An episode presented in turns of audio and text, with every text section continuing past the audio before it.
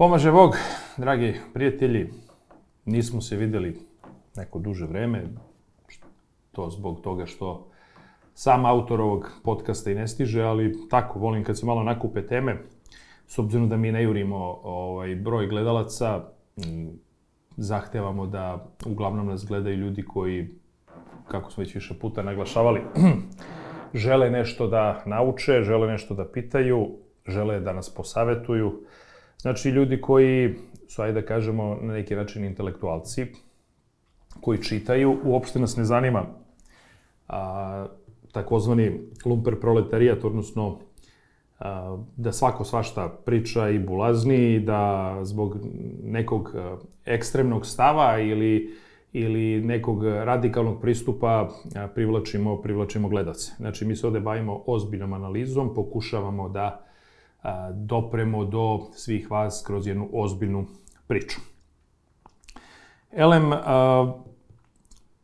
drago nam je da ovaj podcast dobio i sve veći broj slušalaca, znači obavezno na Spotify-u, na Apple podcastu i na Deezeru, na Google podcastu možete da nas slušate u audio verziji, ko naravno voli radio, ja recimo to više volim onako ujutru kada trčim ili kako god ja slušam gomilu tih podcasta.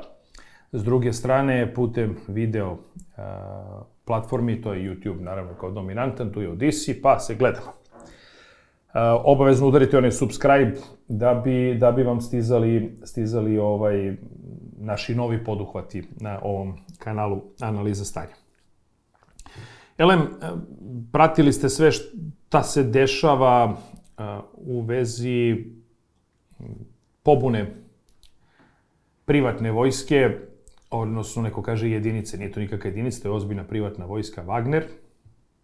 I mislim da je negde vreme da malo popričamo o svim tim raznim pučevima, prevratima. Inače sam ja neko ko je uvek bio radikalan protivnik bilo kakvih pučeva jer uvek su se pokazali da su na vlast dovodili daleko gore. Dakle, jedna od najvećih e, revolucija, oktobarska revolucija, evo baš nekako ima izrazite sličnosti s ovim što je možda moglo da se dogodi u Rusiji sada.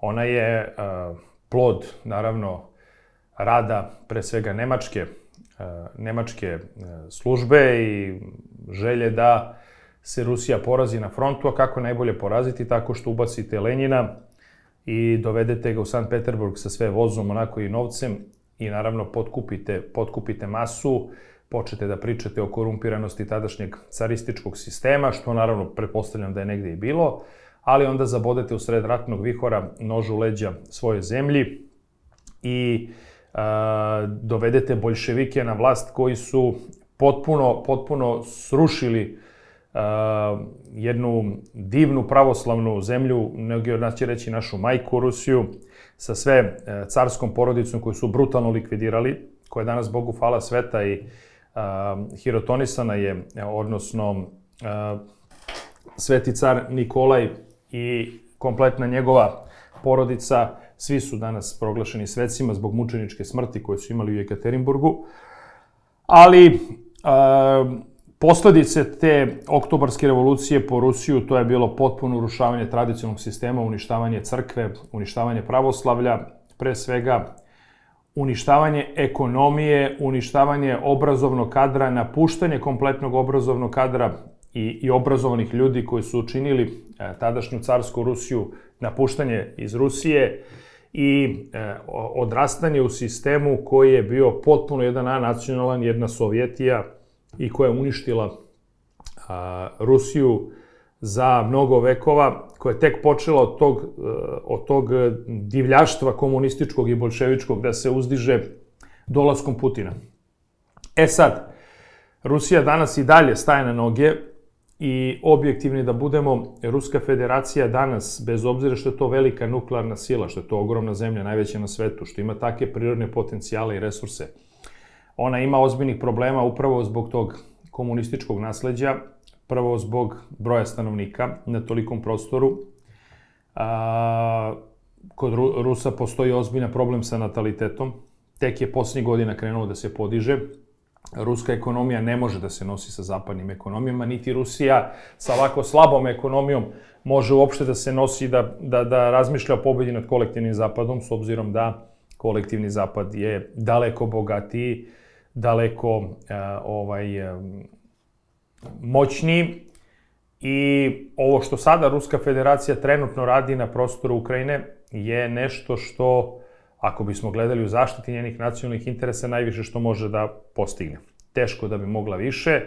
Um, naravno, neopravdano je opšte njihov uh, ulazak u rat u Ukrajini u smislu napada na suverenu zemlju. Mi ćemo to uvek tako kao država gledati, ali definitivno um, da nisu možda preduzeli tu vrstu koraka, uh, a videli ste da je u ovom puču to lako moglo da se dogodi, verovatno bi im neprijatelj došao do Moskve.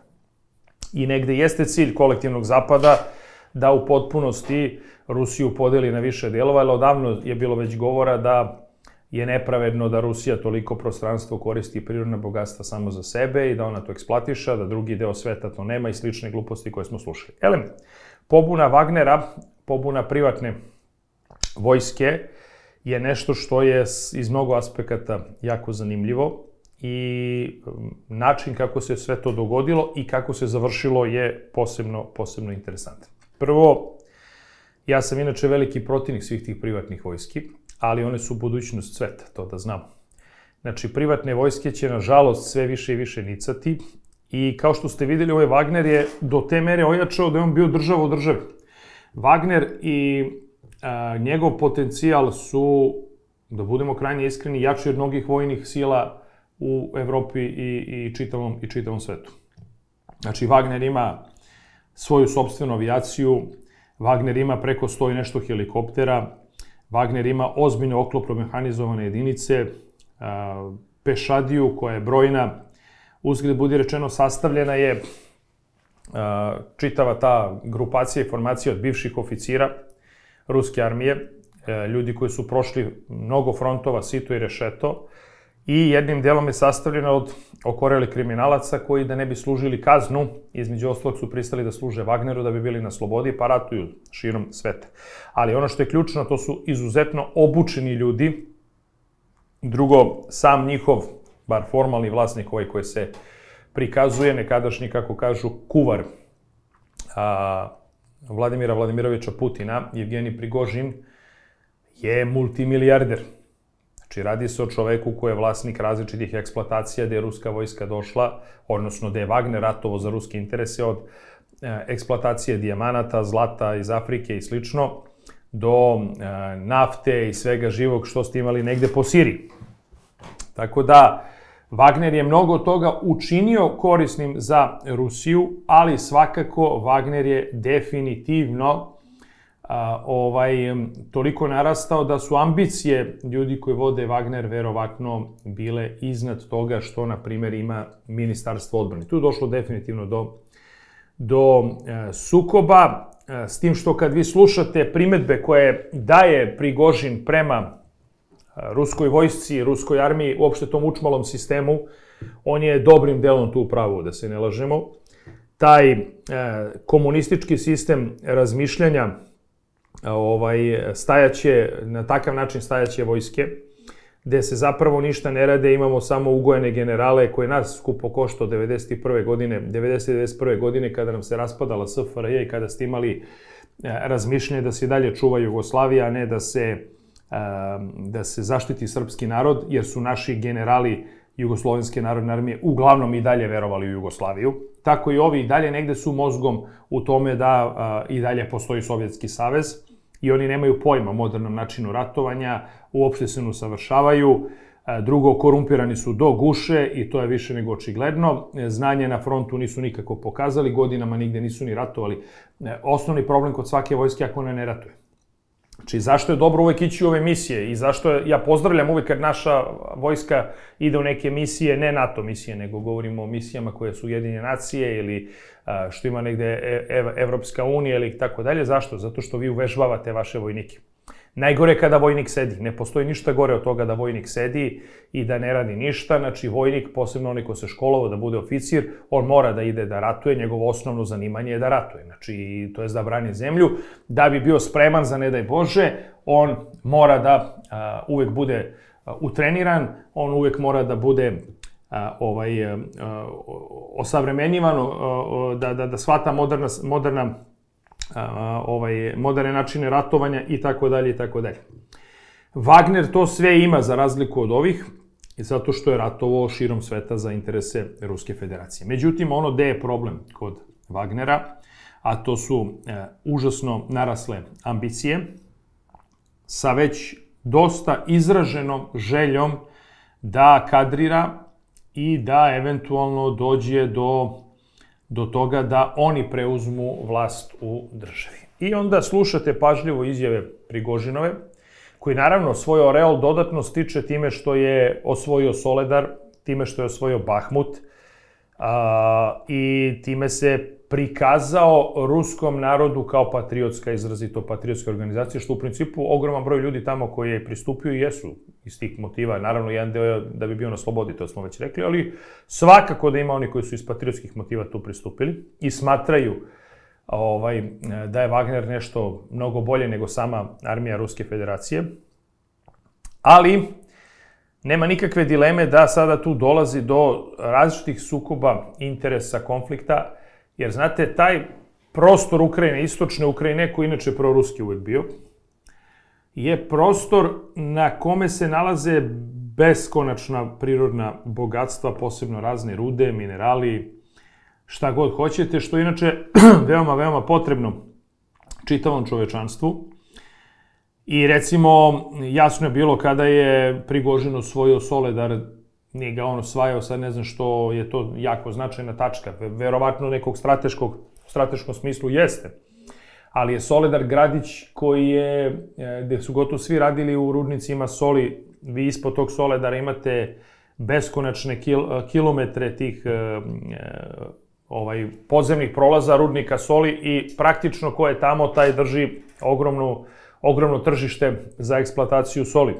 Naravno da je to Prigožin sebi u glavi i tekako izračuno, kao što i Bahmut, naravno, e, prepun različitog rudnog bogatstva i mnogi kažu da ga je bilo jako teško osvojiti upravo iz tih razloga, jer se ukrajinska vojska jako dobro snalazila u tim e, podzemnim prolazima, koji su zaista bili ogromni i odakle si jako mogo lepo da vršiš da vršiš tu vrstu, tu vrstu odbrane prema, prema onome ko te napada.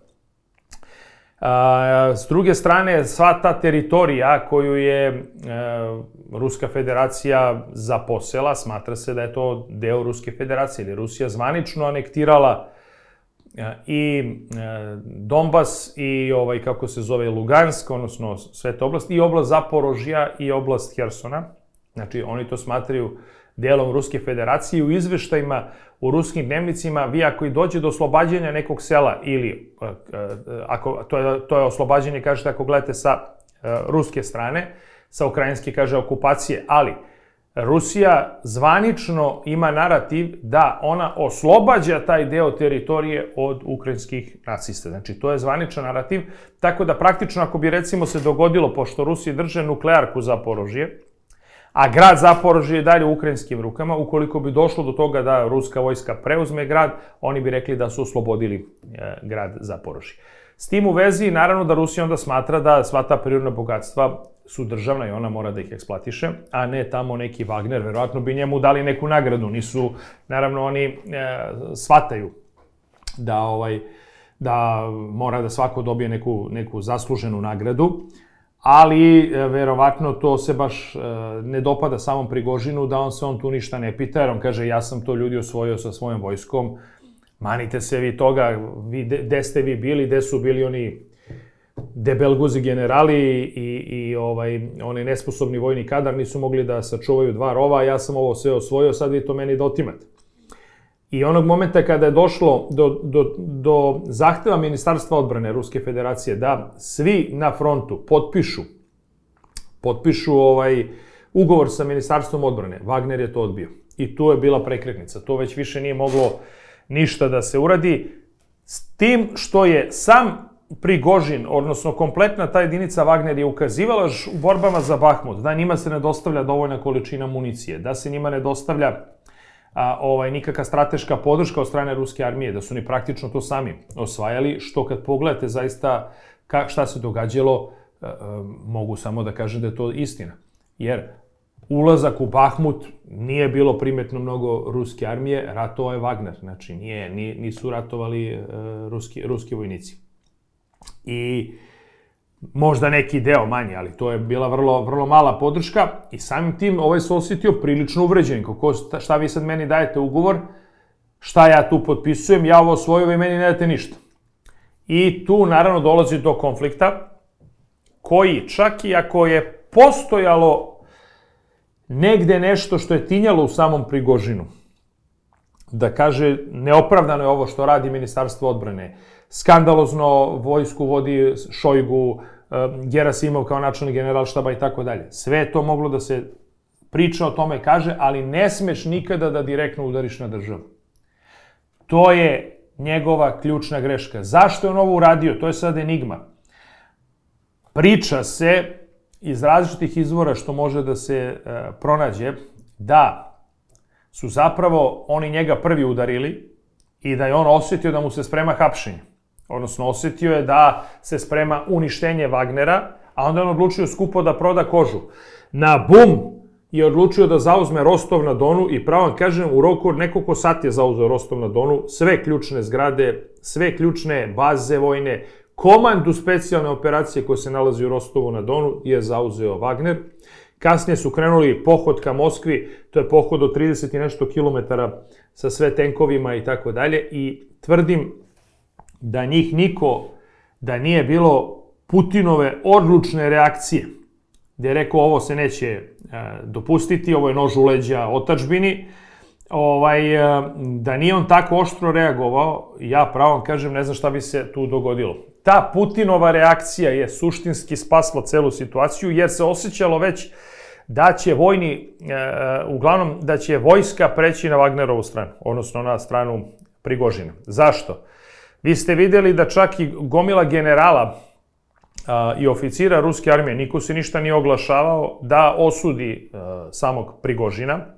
Čak komadant specijalne operacije, ovaj general Surovikin, on ih je lepo zamolio, vratite se u baze, nemoj to da radite, ali nije osudio to što je ovaj uradio. Što je vrlo zanimljivo. Znači, niko živ se nije našao za shodno da osudi. I negde, verovatno, sam Prigožin a, osetio da će vojska preći na njegovu stranu i zato se uputio jednu neverovatnu avanturu da sebi spašava suštinski glavu, jer je bio viđen da bude ili ustrelja negde ili da, da ga ovi ovaj, uhapse. I kreće u nenormalnu akciju gde ja vam tvrdim, pošto je prošao i Voronjež i sve tamo, do Moskve ga niko ne bi zaustavio. Znači, nikakve šanse nema da bi ga neko zaustavio. Što je najgore, tu je dosta stradalo ljudi i u Rostovu i u... I naravno, stradalo je dosta ljudi i ruskih pilota i izgleda, priča se da je sedam helikoptera oboreno od strane, od strane samog Wagnera, što je katastrofalna, katastrofalna nemerljiva šteta za, za rusku vojsku. Međutim, on je negde izračunao upravo posle te Putinove snažne reakcije. I Rosgvardija i ogroman broj tih specijalnih jedinica se podigao da brani Moskvu, bilo bi veliko krvoproliće, bio se možda i ušetao u Moskvu, da se ne lažemo, ali tu bi izdržano 2-3 dana, pite Boga šta bi tu kasnije bilo, svestan je da nema tu snagu da bi mogao da do kraja izvede ono što je naumio. Inače, nemam nikakvu dilemu, uvek u takvim pučevima, ovaj, je i strani faktor uključen, tako da ja sam ubeđen da je on imao kontakte sa određenim zapadnim faktorom koji mu je pomogao. Vi ste videli da je odjednom tog dana počeo da se lagano u zapadnim medijima menja narativ prema Wagneru, više nije to bila teroristička vojska, zlikovci i slično, već je to bila jedna plaćena profesionalna vojska i odmah se promenio narativ, do toga da je čak Zelenski podržao Wagner, što je samo po sebi perverzija, jer do tada su im toliko ljudi poubijali i, i, i ovaj, osvojili toliko mesta i gradova, da odjednom, u jednom danu, onako neiskusno, Zelenski tresne to što je tresno, da je podržao praktično, praktično Wagner. Sva sreća, pa se ovo završilo kako se završilo uz navodno posredovanje Lukašenka. Nije to nikako posredovanje Lukašenka, on je svakako malo tu možda i uticao, ali definitivno je Putinova odlučna reakcija sprečila, sprečila da se izvrši, izvrši puč.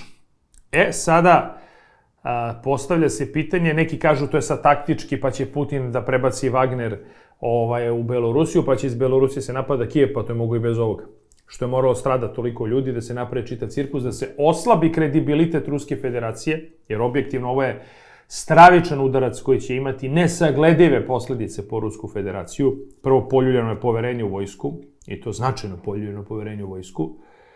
A, poljuljeno je poverenje u čitav sistem i uopšte možda jednim delom i u samu tu specijalnu operaciju. Inače, po svim istraživanjima, gotovo 70% Rusa na ovaj ili onaj način podržava specijalnu vojnu operaciju. 30 i nešto posto, 30% je ekstremno protiv, ali oko 70% podržava specijalnu vojnu operaciju jer shvataju da je to suštinski odbrana interesa Ruske federacije, to jest da ako tu ne uspeju da su gotovi. I Putin je uspeo da objedini narod sa tom propagandom koja nije samo propaganda, koja je činjenica, a to je da zapravo ne ratuje se protiv Ukrajine. Nije specijalna vojna operacija protiv Ukrajine, nego je specijalna vojna operacija zaštita našeg stanovništva od nacizma, gde su Rusi strašno osetljivi na nacizam, s obzirom da su im nacisti došli do 60 km pred Moskvu, i osetljivi su na NATO pakt, gde se kaže mi se borimo protiv NATO pakta. I tu ujedinjujete naciju. Znači, Rusi su tu prilično složni, Vi ste videli da te podele koje postoje, da li vole ili ne vole Putina, bile su dosta izraženi u Rostovu na Donu, jer jedan deo je podržao Wagner, pa izašao da ih tamo, da ih tamo časti cvećem, pićem, sokovima, hranom i slično. S druge strane imali ste ljude koji su izašli da to osude i rekli su sram vas bilo izdajnici jerni, šta ovo radite, šta činite i tako. Uglavnom, a, ono što je suština, to je da ne može nikada ni jedan pojedinac da stavi svoje lične interese, svoje lične ambicije, sve ono što što ovaj, on nosi u sebi, pa čak i da je ljut negde na državu, ne može da stavi to iznad države. Znači, sve u redu da si ti kritikovao vojni vrh, sve u redu da si ti zahtevao možda i smenu i da si želeo da pričaš o tome i da se možda tako nešto i uradilo i učinilo, ali ne možeš ti da čitavu armiju pokrineš na sobstvenu zemlju da bi ostvario neke svoje lične ciljeve i lične interese. To jednostavno tako ne biva. To je nešto što šteti interesima države. Naravno da je sada i Putin stavljen u ozbiljan problem, jer e, moraće negde da se e, reši određenog vojnog kadra iz Ministarstva odbrane, s obzirom da su građani, dobar deo građana Ruske federacije su s pravom kivni ljuti na njih, što je logično, jer oni u mnogo čemu su dosta oprskali oko ove vojne operacije najpre sam način e, početka rata gde se zauzima aerodrom Gostomelj kod, kod Kijeva, gde se vrše razni desanti, gde ti tenkovima ulaziš u Ukrajinu, misliš ideš kao na izlet, tamo će ne znam ko da te dočeka, očigledno je strašno zakazala njihova vojna, vojno obaveštajna služba. Deo Grua verovatno je strašno zakazao, s obzirom da nisu imali pravovaljane informacije iz Ukrajine jer tamo ih niko nije dočekao sa cvećem, nego naprotiv, dočekali su ih i tekako e, raspoloženi za borbu i bitku. Ruska federacija tek se danas negde konsolidovala i uspela za početak ovu ukrajinsku kontrofanzivu koja jako loše ide po Ukrajinu, da ovaj suzbije i da polako ovaj počinje da lomi u mnogo čemu ukrajinsku armiju. Inače, te pobede koje je sam Wagner ostvario u Soledaru i Bahmutu su psihološki bile strašno važne za rusku vojsku, jer do tada su Rusi bili u potpuni defanzivni. Oni su ono s početka zauzeli posebno deo oko Harkova, gde ste imali a, pre svega Kjupjanski i taj severni deo onaj Krasni Liman i šta ja znam, znači te gradove koje su oni zauzeli, posle su im Ukrajinci to u kontraofanzivi gde su mnogo više snaga upotrebili, gde se potpuno video promašaj strategije Ruske federacije, da ti sa 10.000 vojnika braniš toliki prostor, gde su ih ove bukvalno zbrisali i a, to je bio veliki udarac i poraz za samu Rusku federaciju. Jedan od najboljih poteza možda što su Rusi učinili, to je povlačenje ono iz Hersona, jer bilo je nemoguće braniti ovaj, levu obalu Dnjepra sa jako otežanim dotokom logistike i, i, i svega, jer su i Ukrajinci bili spremni da tu krenu u ozbiljnu ofanzivu. Na kraju krajeva brana, kad je puštena pitanje koje je pustio, ali dosta je e, sada tu kontrofanzivu usporila, ali kažem, zauzimanje Bahmuta i Soledara su bile prve pobede posle žestokih udaraca koje su Rusi dobili i psihološki je strašno uticalo na samu rusku armiju da se konsoliduje i da sada već vodi bitke koje su značajno bolje pripremljene. Ta čuvena ukrajinska kontraofanziva je sama po sebi doživjela značajan, značajan neuspeh jer se toliko najavljivala, ali ne ide. Znači, prosto ne ide. Osvoji se jedno, dva sela, pa se to vrati, pa pite Boga kako to ide, vidjet ćemo. U svakom slučaju ne ide, čini mi se, baš najbolje po Ukrajinu. Rusija ne žuri, zato što ima mogućnosti da raspolaže a, sredstvima, ima dovoljno naoružanja, s druge strane Ukrajina se troši, a, Ukrajinu se dopremaju razne ovaj, razne naoružanja. I vi ste videli da jedan od ozbiljnih udaraca je nemačkoj vojnoj industriji, jer su oni leopardi gorili kao lila, odnosno a, jako su loše prošli na ukrajinskom frontu, to je značajno oslabilo, značajno, značajno oslabilo nemačku vojnu industriju koja se pokazala krajnje nekredibilnom a, na ovom frontu i padaju cene njihovih proizvoda, što je za Nemačku katastrofa. Vidjet ćemo naravno kako će Ukrajinci koristiti ovaj Storm Shadow, sve ovo što su dobili od Britanaca.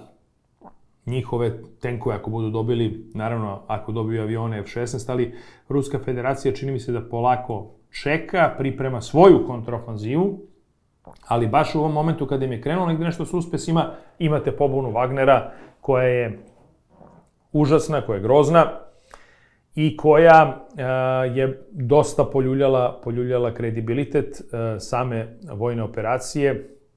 Inače, ja to smatram, isto vidim da je predsednik Vučić uh, to i naglasio, ne možeš da govoriš u Moskvi da nemaš rat. Imaš rat, vi ratujete u Ukrajini. Kakva specijalna vojna operacija? To je rat. I kraj priče. Možda ga predstaviš kako hoćeš, ali kažeš to je rat protiv NATO pakta jer prosto žele da nam otmu teritoriju, maltretirali su na stanovništvo, upotrebljavaju naciste. Sve živo si to mogo staviš u propagane svrhe, ali ne možeš da kažeš da nemaš rat. Znači, ti si u ratu. Rusija je u ratu, kraj priče.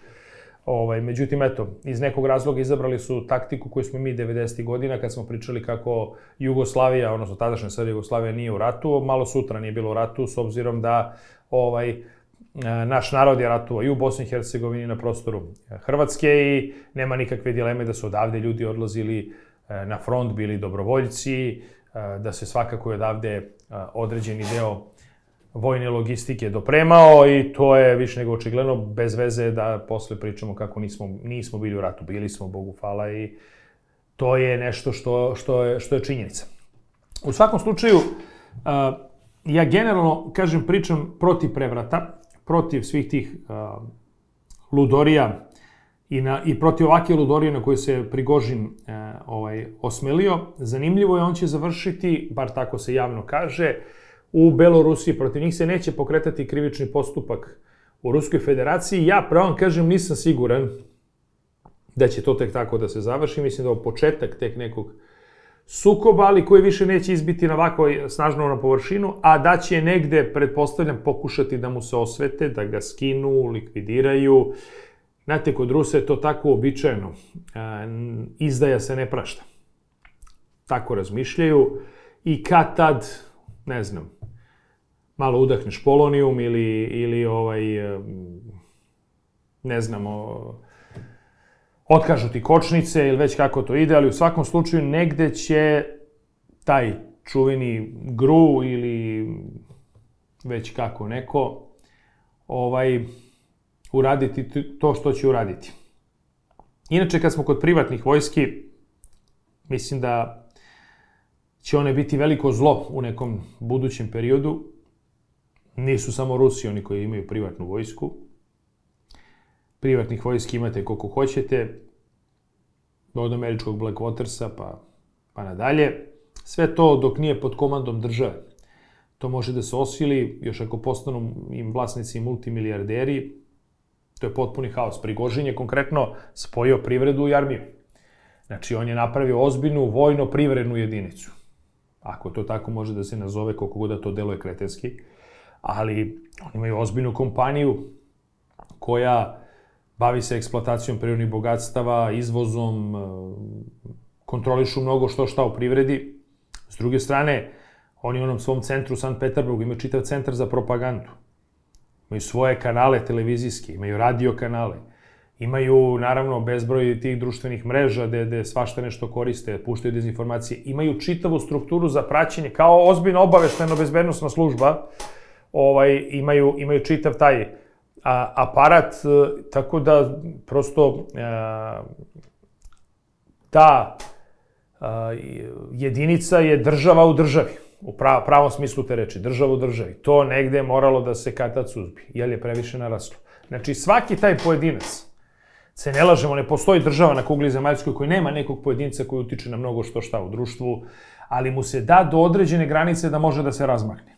Preko toga, to je jednostavno nemoguće i to mora da se da se sprečava i tu su negde ovi iz vojske pravilno osetili, rekli su čekaj bre, ovaj nije normalan, a, sam ovde radi šta hoće i tu će nas da, da, da posmenjuje i da ovaj da on postavlja koga on želi i tu su otprilike odlučili da ga saseku. Nešto slično smo mi imali, mada naravno ne u tom obimu, ali svakako u vreme a, ovaj, a, e, pada Obrenovića, odnosno dolaska kralja Petra posle na vlast, kada ste imali ove apisove oficire, koji su praktično bili država u državi, smatrajući da su njihove zasluge najveće za rušenje Obrenovića i da su baš oni ti koji su doveli kralja Petra, oni su njega na razne načine ucenjivali, kreirali zakone, protiv njih je bila ozbiljna politička struktura po Nikole Pašića pa nadalje, ali su se suprostavljali tome jer prosto nije normalno da neko ko je oficir uzme da vodi državu i da oni odlučuju o svemu državi. Ovdje još gora situacija, mislim, ta priča da je on bio kuvar,